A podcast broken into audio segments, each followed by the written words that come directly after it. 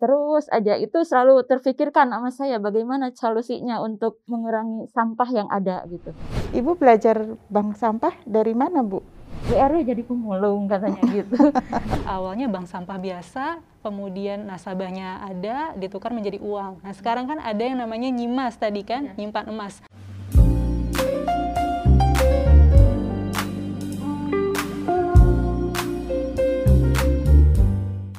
Sampah selalu melekat dalam kehidupan kita sehari-hari.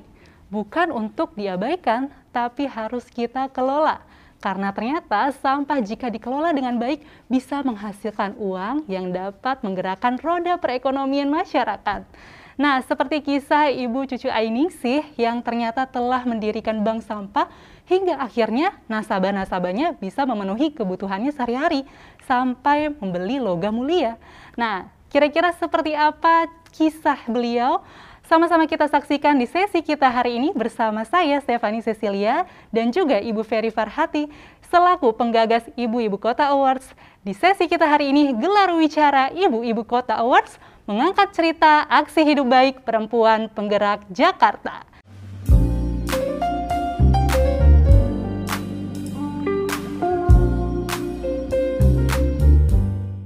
Selamat siang Ibu. Selamat siang. Ferry apa kabar? Baik, baik ya. Kelihatan baik. Ibu Ai juga sehat Ibu? Sehat, alhamdulillah. Iya, mungkin sebelum kita ngobrol-ngobrol lebih lanjut sama Ibu Ai ya, sosok inspiratif yang sangat luar biasa. Mungkin dari Ibu Ferry bisa ceritakan terlebih dahulu bagaimana proses awalnya hingga akhirnya menemukan sosok Ibu Ai. Ya, jadi Ibu-Ibu Kota Award ini sudah berjalan tahun kedua. Ya uh, melihat dari keberhasilan tahun lalu kita ingin mengulang sekali lagi tahun ini. Dan ibu-ibu ini semua dinominasikan oleh orang-orang di sekitar. Jadi bukan ibu Ai menomina, menominasikan diri sendiri tapi ada yang mengetahui ada yang melihat dan mengajukan kepada kami. Dari sekian banyak cerita tahun ini 140 kisah lebih 140 lebih kita simak satu persatu dan nama Bu Ai muncul karena beliau itu sangat peduli terhadap lingkungan. Ketika kepeduliannya itu uh, diperluas sampai lingkungan yang luas, uh, dia melihat masalah, dia mencoba mencari solusi. Yang kebetulan isunya adalah tentang sampah. Ketika melihat sampah, dia tidak hanya memikirkan sampah di sekitar rumahnya, tapi bagaimana semua warga bisa peduli terhadap sampah. Itu yang kemudian uh, menarik perhatian kami karena kerja kerasnya dia membuka peluang kerjasama dengan beberapa pihak, kemudian mencari terobosan-terobosan supaya warga tertarik untuk ikut di kebang sampahnya itu yang membuat kami merasa kagum atas usahanya yang tulus dan uh, lengkap, nggak cuma sekedar permukaan. Jadi betul-betul ingin menyelesaikan masalah, bukan cuma sekedar uh, melakukan sesuatu sebet, uh, di permukaan saja gitu, tapi dipikirkan betul apa yang bisa kita kerjakan supaya orang mau mengelola sampah luar biasa. Luar biasa. Ya, betul-betul cerita yang sangat inspiratif sekali. Mungkin dari Ibu Ai sendiri bisa ceritakan gitu ya untuk teman aksi hidup baik yang menonton di channel ini, awal mulanya itu ketertarikannya untuk mengelola sampah itu seperti apa sih Bu? Apakah uh, langsung ingin membuat bank sampah? Pasti kan ada latar belakangnya ya Bu ya. Boleh. E, pertama saya mau mendirikan bank sampah itu terinspirasi dari di wilayah saya itu ada gunungan sampah, hmm. tumpukan sampah. Tumpukan sampah. Jadi saya setiap hari siang melihat ke sana hmm. banyak warga yang melempar sampah hmm. dengan kantong plastik. Saya sering melarang tapi tetap aja selalu melempar melempar. Uh, akhirnya sampai menggunung dan kalau siang hari itu baunya menyeruak. Di warga sekitar itu nggak nyaman gitu, kebauan saya coba siang hari ke sana. Iya benar. Jadi setiap yang lewat ke tempat itu pasti menutup hidung. Hmm. karena nggak nyaman. Yeah. baunya sangat karena kan kena sinar matahari terus kena angin ya. Hmm. jadi bau sekali nggak hmm. sedap.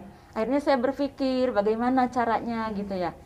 E, terus aja itu selalu terfikirkan sama saya bagaimana solusinya untuk e, minimal mengurangi mengurangi sampah yang ada gitu.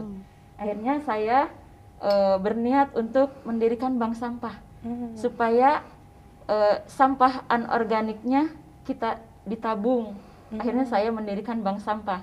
Alhamdulillah disambut baik dengan pihak kelurahan. Hmm. Jadi saya diberikan fasilitas kelurahan uh, ada ukuran dua setengah meter kali lima gitu ya kecil. Hmm. Tapi saya usahakan bagaimana caranya warga bisa menabung sampah anorganik itu uh, di, bisa menghasilkan uang gitu. Hmm. Jadi uh, saya terus bersosialisasi. Kebetulan hmm. saya ini istrinya RW gitu ya. Jadi oh. ketua PKK. Ketua PKK. Iya, ketua PKK. Jadi setiap ada pertemuan PKK, pertemuan RT hmm. dan yang lainnya, pengajian dan yang lainnya, saya terus sosialis sosialisasikan oh. di pertemuan-pertemuan itu. Jadi terus diaktifkan ya yeah. Ibu ya, edukasi, terus sosialisasi. Iya. Itu kira-kira dimulai dari tahun berapa itu Bu?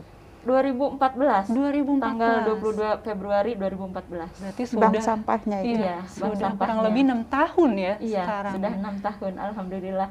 Bagaimana itu Bu? Akhirnya bisa mengajak warga-warga sekitar untuk peduli gitu terhadap uh, inovasi ini, bank sampah ini, supaya mereka juga perilakunya sedikit demi sedikit berubah. Kira-kira itu bagaimana Bu? Jadi uh, saya memberikan edukasi ke warga bahwa sampah yang bisa menghasilkan uang atau yang bisa dijual ke bank sampah itu uh, dikasih tahu ini ini ini gitu ya. Mm -hmm. Seperti dari sampah rumah tangga aja uh, kan ada minuman ya bekas minuman. Botol minuman. Yang gelas ya botol minuman atau gelas atau uh, duplek itu bekas odol itu yeah. bisa jadi duplek. Atau botol bekas kopi. Ya bekas kopi botol sirup botol uh, apa kaleng gitu kaleng kue gitu. Banyak sekali sampah-sampah dari rumah tangga ternyata.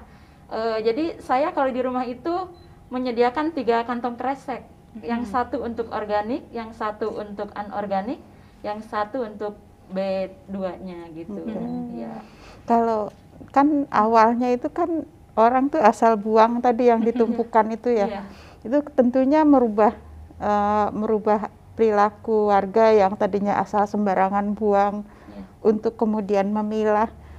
Kan susah ya Bu ya. Yeah. Bisa cerita nggak Ibu gimana? Orang kan enak aja buang, kalau yeah. milah kan repot. Iya. Gimana tuh? Uh, jadi saya selalu bersosialisasi terus ke warga uh, bahwa jangan dibuang itu sayang, bah, uh, karena sampah itu ada nilainya, ada nilai jual gitu. Akhirnya dengan saya terus menerus ke warga memberikan sosialisasi, memberikan pemahaman, alhamdulillah warga tertarik, hmm, tertarik, tertarik uh, mulai tertarik uh, asalnya kan nasabahnya cuma tiga orang. Hmm. Pertamanya, oh, pertamanya 2014 tiga orang. Iya, hmm. uh, cuma tiga orang. Akhirnya dengan berjalannya waktu hmm.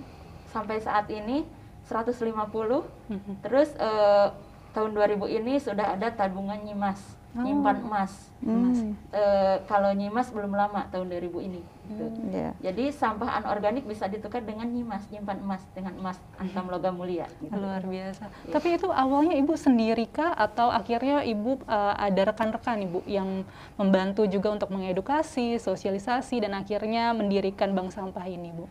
Ada dengan rekan-rekan saya. Hmm. Ya. Berapa uh, orang kalau boleh tahu bu?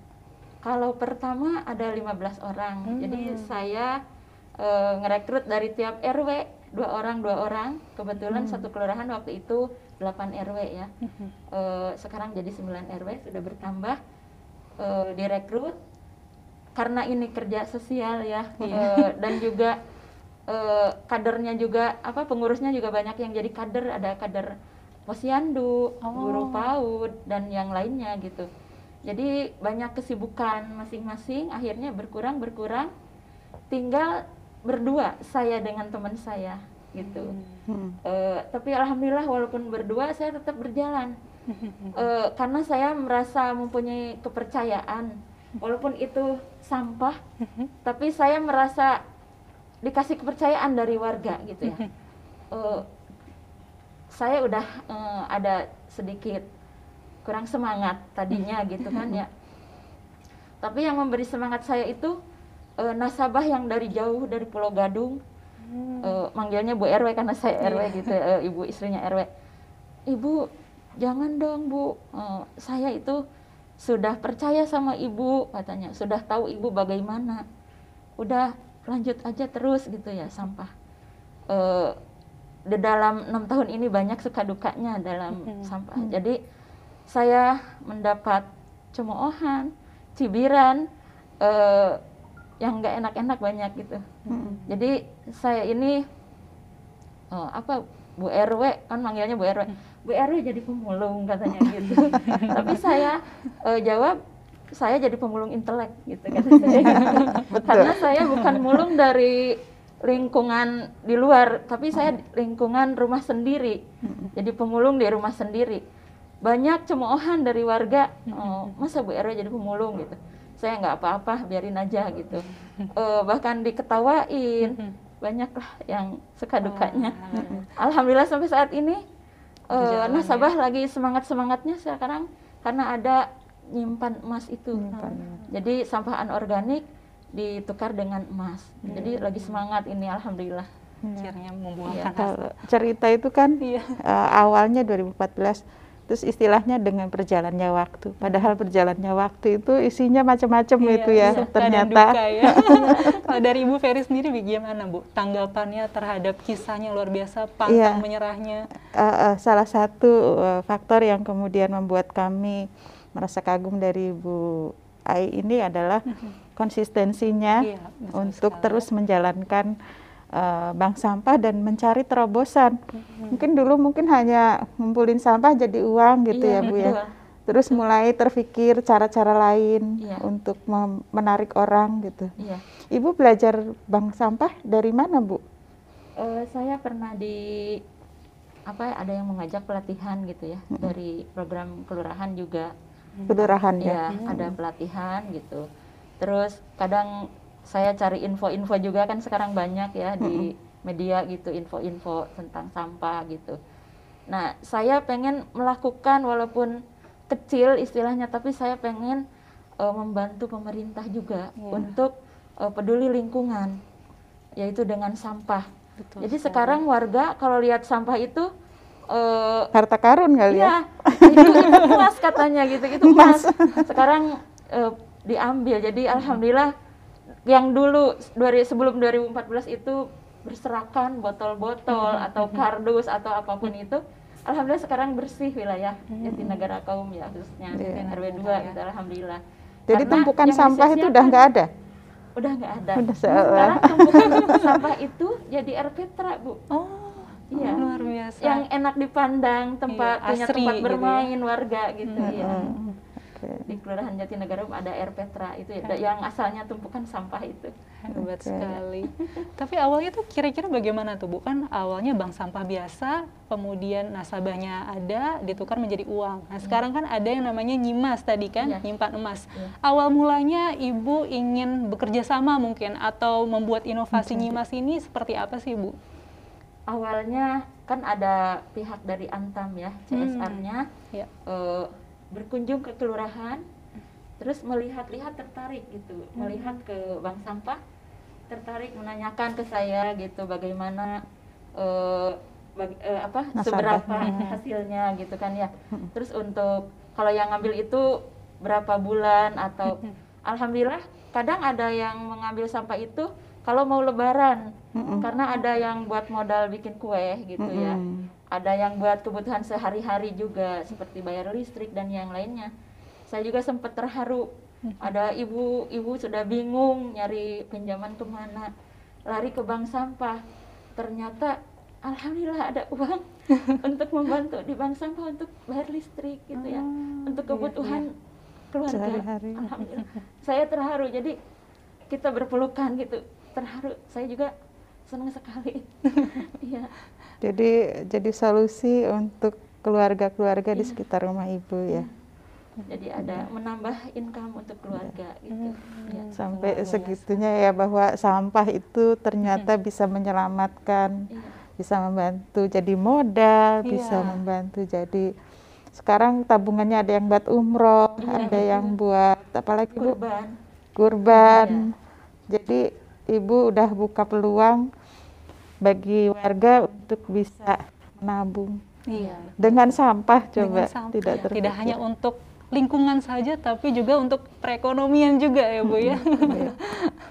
Luar biasa. Lalu kira-kira itu kan awalnya kan sampahnya dikumpulkan Bu. Iya. Itu selanjutnya diapakan itu Bu? Eh, saya jual ke lapak, lapak Hmm. yang besar gitu.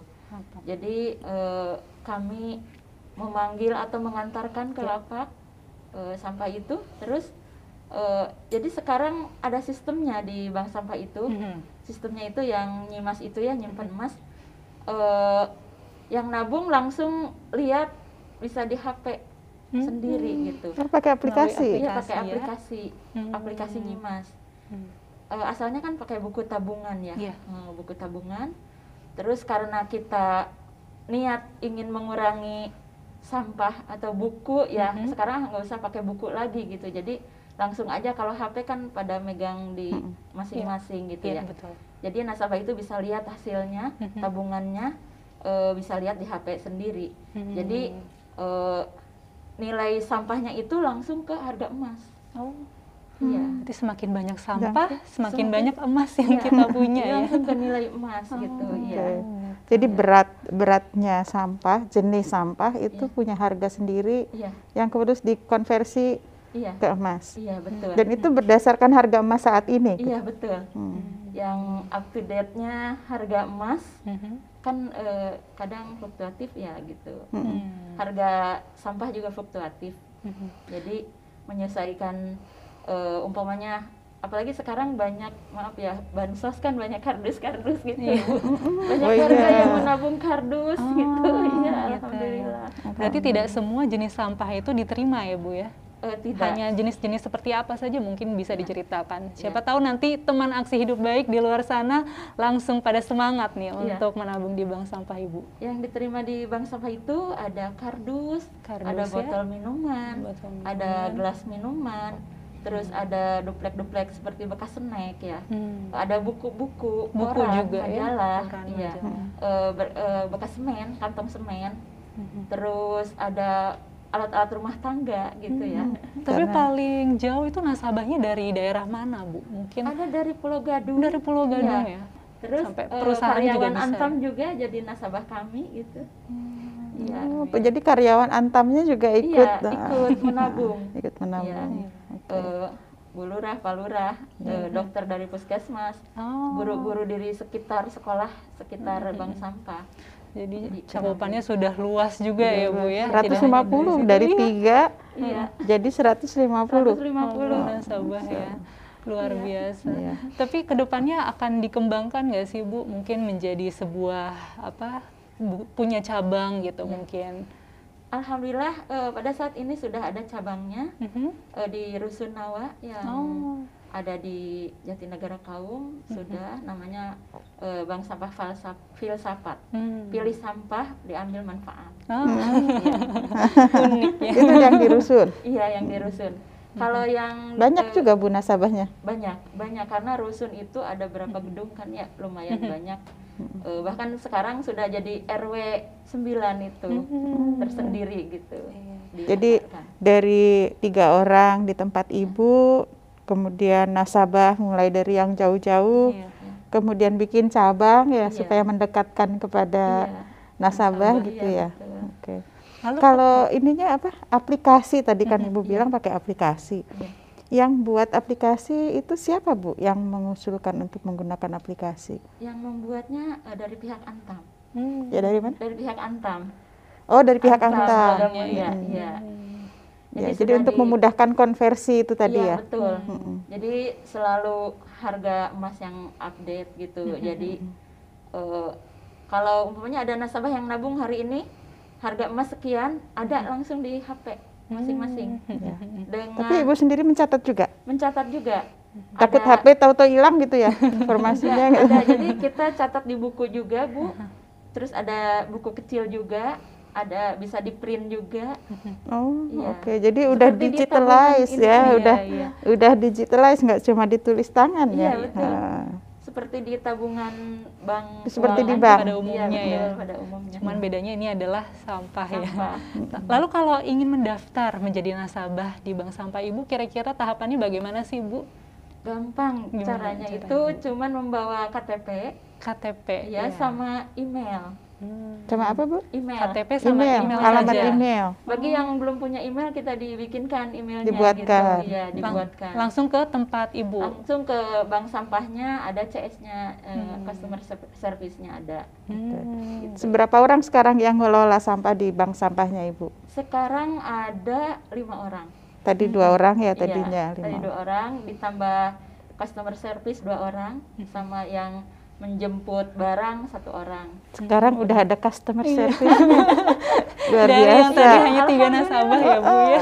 Iya, alhamdulillah ini jawaban doa-doa Iya. yang Iya. saya panjatkan mungkin ya alhamdulillah Alhamdulillah. Eh, ya. saya pengen terus eh, apa peduli lingkungan Betul. walaupun kecil gitu ya bu Iya. walaupun nilainya kecil istilahnya saya ingin, ingin peduli lingkungan karena bank sampah juga dinamakan Poklisa kan gitu Berapa?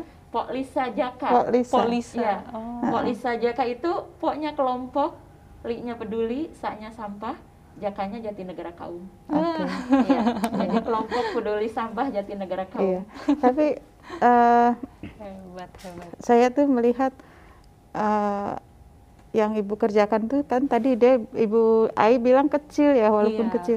Saya bilang nggak kecil Itu karena yang ibu kerjakan kepeduliannya cuma bukan cuma dirinya, tapi ibu membangun kepedulian warga Betul. lainnya untuk kemudian buang sampah di eh, mengumpulkan sampahnya dan memilahnya gitu. Ya. Dasarnya apa ibu? Kalau ada orang kan mengerjakan sesuatu tentunya ada imbalannya gitu. Iya. Dasarnya saya ini punya diri ingin bermanfaat untuk orang lain gitu bu. Eh, seperti kata dalam hadis, khairin nas anfa'uhum linnas. Hmm, iya. Sebaik-baik manusia adalah yang bermanfaat untuk orang lain gitu.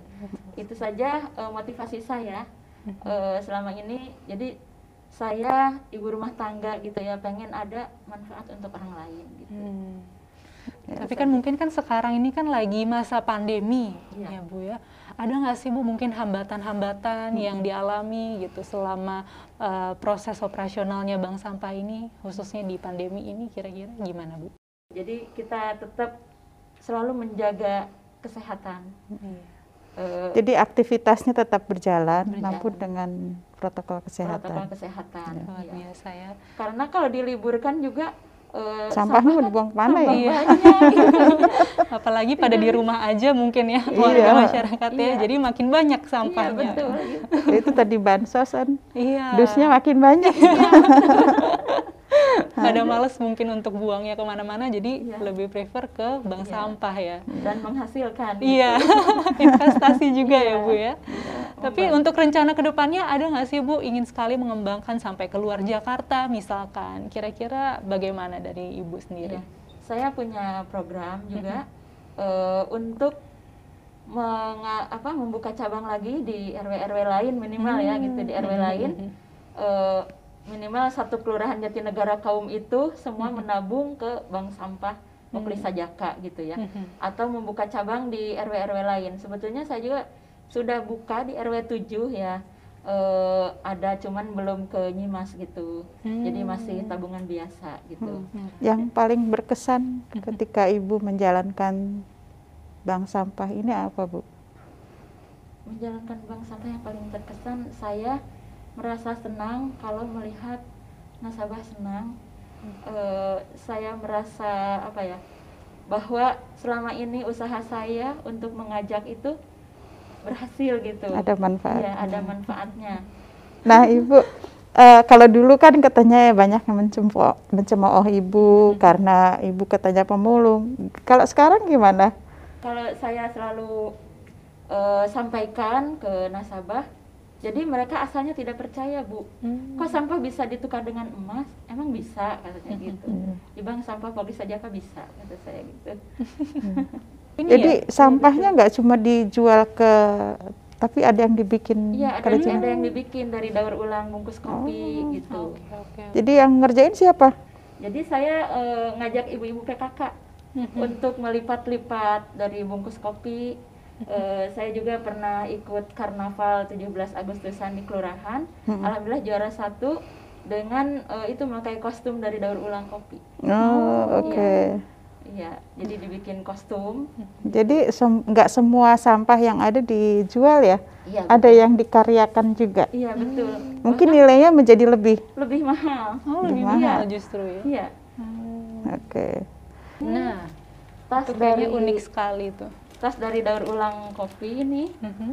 Iya. Uh, ini mungkin yang membeli ini bukan dilihat dari bahannya apa mungkin ya karena menghargai kreativitasnya mungkin hmm, gitu ya. Ada yang pernah beli 300 ribu, ada yang 250. Nah. Luar biasa. Iya ya itu bungkus kopi ya. Pakai apa? Ininya juga iya. jahitannya rapi. Iya. Hmm.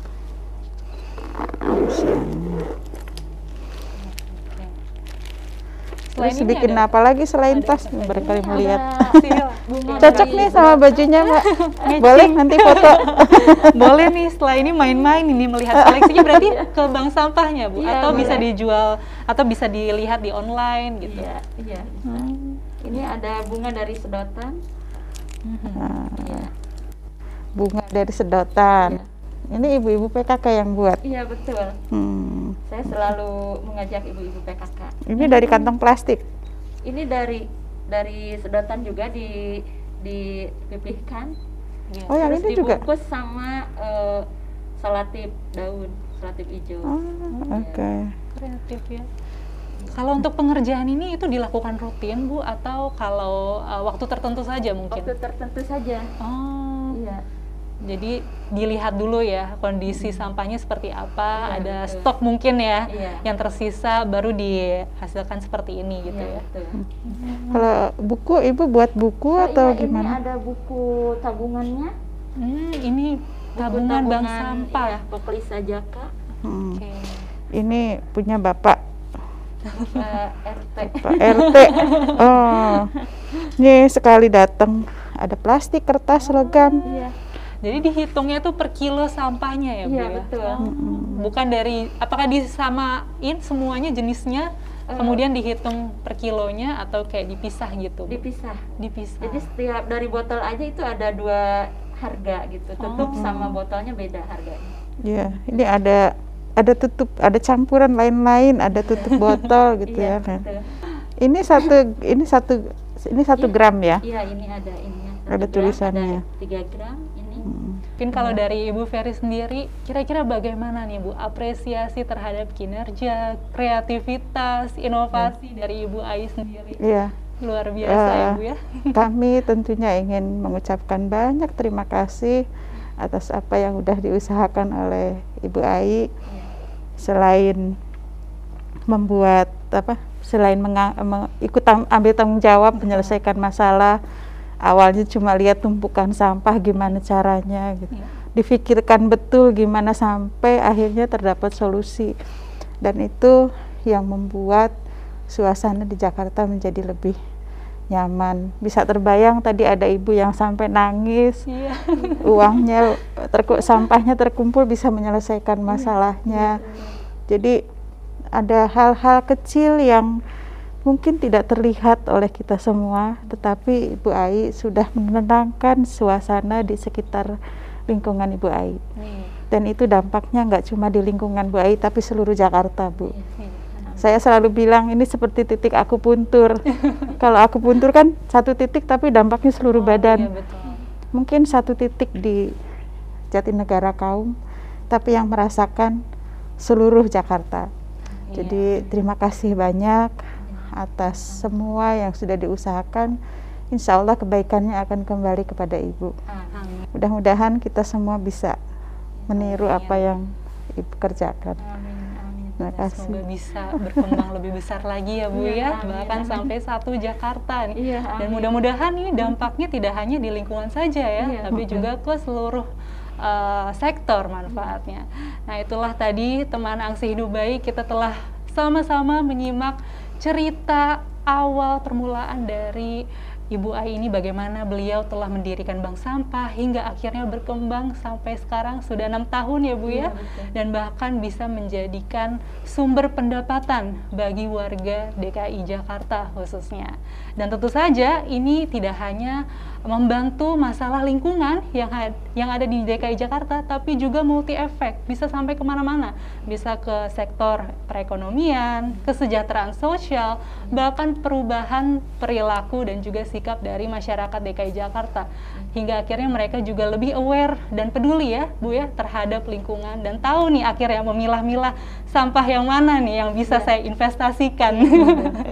Dan lagi yang saya lihat tadi eh, Bu Ai itu pembelajar. Iya. Kan saya tanya gimana bela- eh, tahu tentang bank sampah. Ya kita cari informasinya gitu. Iya. Kalau orang yang bukan pembelajar, dia nggak akan kemudian dapat inovasi, kemudian dihampiri oleh sebuah perusahaan untuk mengembangkan bank sampahnya. Jadi luar biasa Luar Ibu, biasa terima kasih banyak. Ibu. Jakarta berterima kasih kepada Ibu. Sama-sama. Dan mungkin ada pesan dari Ibu Ai yang ingin disampaikan kepada warga DKI Jakarta supaya lebih semangat lagi dan lebih peduli lagi terhadap lingkungan. Ya. Silakan. Eh, saya berpesan kepada seluruh warga masyarakat DKI dan lebih jauhnya Indonesia supaya peduli akan lingkungan bahwa dari sampah yang asalnya tidak berharga menjadi sebuah investasi Eh, ada nilai apa jualnya dan ada mendapatkan income untuk keluarga bisa membantu untuk kebutuhan keluarga. Jadi sekali lagi saya memohon tolong peduli, Ya. peduli dengan sampah. Kita harus eh, punya niat bahwa eh, dengan mengambil sampah yang ada di jalanan berarti kita itu udah peduli. Apalagi kalau ada nilai jualnya. Jadi eh, mudah-mudahan semuanya pada peduli lingkungan. Iya. Itu saja pesan dari saya. Mudah-mudahan saya juga bisa diberikan kemampuan untuk lebih memajukan lagi eh, bank sampah bank sampah yang lain. Ya, terima kasih. Iya. Jadi kita mulai harus cari bank sampah nih sekitar kita nih. Iya. Ta- sampah kita ditabung. Mungkin kalau dari Ibu Ferry ada harapan dan juga pesan yang ingin sekali disampaikan untuk masyarakat Jakarta terkait bank Iya. sampah dan pengelolaan lingkungan. Harapannya adalah bahwa kisah-kisah seperti yang uh, dikerjakan Ibu Ai ini terus berputar di Jakarta dan kemudian menginspirasi warga lain untuk melakukan hal yang sama. Insya Allah semakin banyak Ibu Ai di Jakarta, permasalahan sampah yang kita hadapi bisa berkurang. Paling enggak sampah yang dibuang ke uh, tempat akhir Iya, jauh berkurang. betul. Semakin banyak yang menabung, semakin sedikit sampah yang uh, harus ditumpuk di tempat ya. pembuangan akhir dan yang uh, lama-lama akan menjadi masalah juga gitu. Betul. Insya Allah sedikit demi sedikit permasalahannya bisa diurai dengan adanya gerakan seperti yang ibu kerjakan. Iya. Insya Allah. Amin. Baiklah kalau begitu kami mengucapkan terima kasih kepada Ibu Ai dan juga Ibu Ferry atas waktunya di sesi kita hari ini.